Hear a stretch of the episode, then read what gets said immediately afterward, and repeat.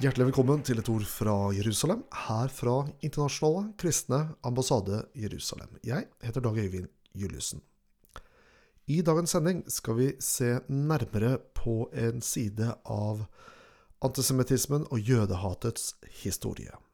Og det er den som har funnet sted i kirken opp igjennom historien. Faktisk så er det slik at uh, antisemittismen og jødehatet har hatt en sterkt fotfeste i kirken opp igjennom generasjonene. Dessverre så brakte ikke reformasjonen på 1500-tallet noen reformasjon i, i, kirken i synet på jødene. Det er først i våre dager at betydelige deler av den globale kristenheten ser på jødene som et utvalgt folk av Gud. Nå skal det legges til, før vi går inn i materien her, at allerede på 1500-tallet så forkynte puritanerne i England at Gud kommer til å bringe det jødiske folket tilbake til Israel. At Gud ikke var ferdig med dette folket. Eh, sammen med brødrene Wesley, som sto i metodistvekkelsen på 1700-tallet, de skrev sanger om at jødene kommer til å komme tilbake til landet sitt. Og Charles Spurgeon, som er en kjent predikanthøvding, også han fra England, eh, prekte om disse tingene. Så i England så var situasjonen annerledes blant det vi kaller for vekkelsesfolket der borte, eh, sammenlignet med resten av det kirkelige Europa. Betegnelsen Det nye testamentet og Det gamle testamentet etablerte seg omkring 200 år etter Kristus. Og denne betegnelsen, betegnelsen, altså Det nye testamentet, har som forutsetning at det finnes et gammelt testamente. Begrepene Det nye og Det gamle testamentet ble til og kom i bruk på samme tid som kristentroens sentrum gradvis ble flyttet fra Jerusalem til Rom. Til den romersk-katolske kirken, som ble statsreligion i det store romerske riket på 300-tallet. Den romersk-katolske kirke førte en bevisst offentlig, uttalt og organisert politikk eh, for å skape avstand og skille mellom jøder og kristne, og mellom jødisk tro og kristen tro, i det enorme romerske riket. Denne politikken er en tydelig markør for at setet for den kristne troen ble flyttet fra Jerusalem til Rom. Fra den opprinnelige jødekristne bibelske opphavet til den senere romersk-katolske tradisjonen. Politikken ble internalisert i kristen tro og prak kristen praksis ved kirkefedrenes skrifter og kirkemøtenes resolusjoner. Kirkefedrene har fått sitt navn av ettertiden fordi de har formet den kristne tradisjonen ved sine teologiske, skriftlige arbeider. Kirkemøtene samlet flere hundre kristne ledere fra hele det romerske riket og omsatte kirkefedrenes teologi til vedtatte sannheter, politikk og kristen praksis. Kirkefedrene og kirkemøtene sto altså bak hvordan samfunnet ble regulert, fordi kristendommen ble den offentlige religionen i det store romerske riket. Kirkefedrenes teologi og kirkemøtenes videreføring av disse ideene fikk enorme praktiske betydninger for alle borgere i Europa, inkludert jødene. Kirkefedrenes teologi innebar det som i ettertiden har fått navnet erstatningsteologi. Erstatningsteologien antar at jødene og nasjonen Israel har utspilt sin rolle i Guds frelsesplan. Gud har trukket tilbake sitt ord og sine løfter som følge av at jødene som folk ikke antok Jesus som Guds lovede Messias. Guds ord og løfter til Israel blir annullert, åndeliggjort og overført til kirken, som er det nye gudsfolket. Jødene er som folk og nasjon ikke lenger en del av Guds frelsesplan. Og her kommer delingen av et nytt og et gammelt testamente inn i som eh, noe av betydning i denne sammenhengen. Ved å dele Bibelen inn i et gammelt og et nytt testamente fikk leseren inntrykk av at skriftene i Det gamle testamentet var å anse som gamle og ikke aktuelle på linje med bøkene i Det nye testamentet. Men det er jo ikke i nærheten av å være bibelsk.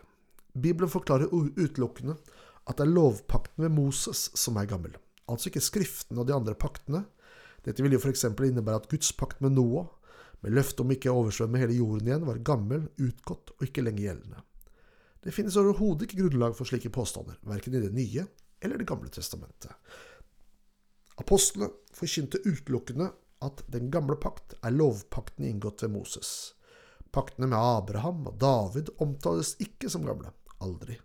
Tvert imot så er profetenes forkynnelse om Messias og den nye pakt uløselig knyttet sammen til disse paktene, slik det også tydelig fremgår av evangeliene i Det nye testamentet. Jesus er jo Messias og garantisten for velsignelsen Gud gir løfte om i Abrahamspakten, og gjennom Israel videre til alle folkeslag. Jesus, Messias, er jo også kongen i Davidspakten, som er konge i et evig rike, og som også skal styre over alle folkeslag. Alle Guds løfter får ved Jesus sitt ja. Disse feilaktige antagelsene var grunnlaget for erstatningsteologien, som ikke bare var teorier, men som også fikk grusomme praktiske konsekvenser.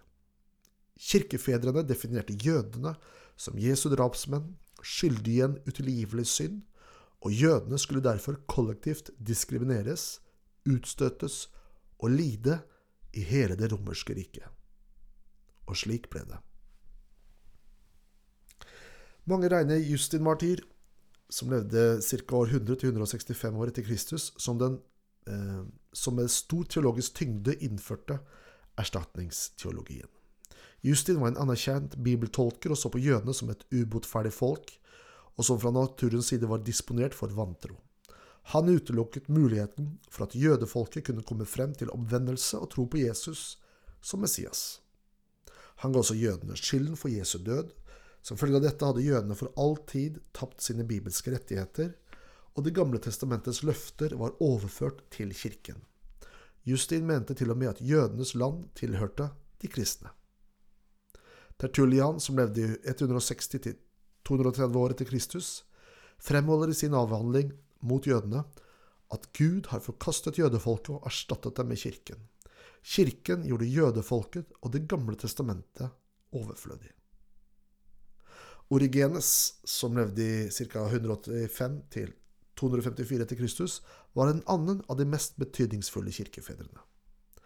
Han mente ødeleggelsen av Jerusalem og forvisning av jødene var Guds vitnesbyrd om at jødene ikke lenger var hans folk.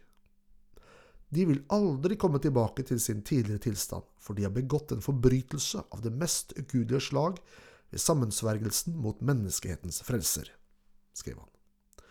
Origenes mente jødene hadde tatt livet av Jesus, og det var for denne forbrytelsen det ikke fantes noen forsoning, ingen ettergivenhet eller tilgivelse. Og det er interessant hvilket dypt skille det er mellom kirkefedrenes syn på korsfestelsen av Jesus, og hvordan apostelen Peter og Paulus legger fram disse tingene. Fem ganger i Romerbrevet kapittel 11 så peker Paulus på at det var ved jødenes fall at vi fikk frelsen. Han løfter også fram i sine skrifter i Romerne brevet kapittel 15 vers 27 at vi står i gjeld til det jødiske folket fordi vi har fått del i deres åndelige goder. Så det var et dypt skille mellom apostlenes forståelse av korsfestelsen av Jesus og jødenes rolle, og det som kirken etter hvert ble preget av. Alle biskopene i det romerske riket ble innkalt til kirkemøte i Nikea i år 325.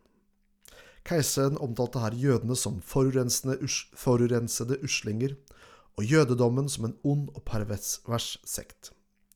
La oss ikke ha noe som helst med jødene å gjøre. De er våre motstandere, og vi må sørge for at vi ikke lenger har noe ting til felles med disse parasittene som har tatt livet av Vår Herre, ble det sagt.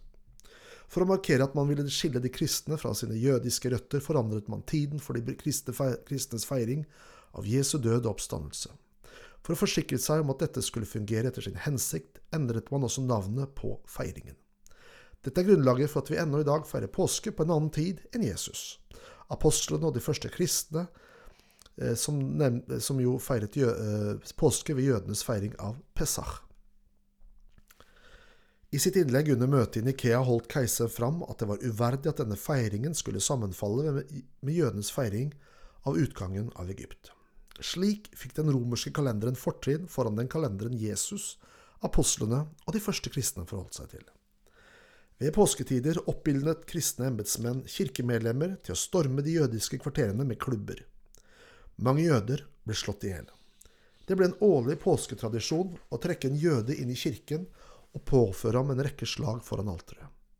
I en av disse seremoniene berettes det om en, at en fremstående adelsmann tok føringen og stakk ut øynene på den vantro jøden. Hans brødre fra synagogen hentet kroppen, hans i kirken og gravla han. Keiser Konstantin satte raskt ut i livet en rekke resolusjoner og dikter rettet mot jødene. Et sentralt mål var å forhindre jøder og kristne å be sammen. Kirkefedrene, som var satt til å være kirkens åndelige ledere, fortsatte å nøre opp om jødehatet.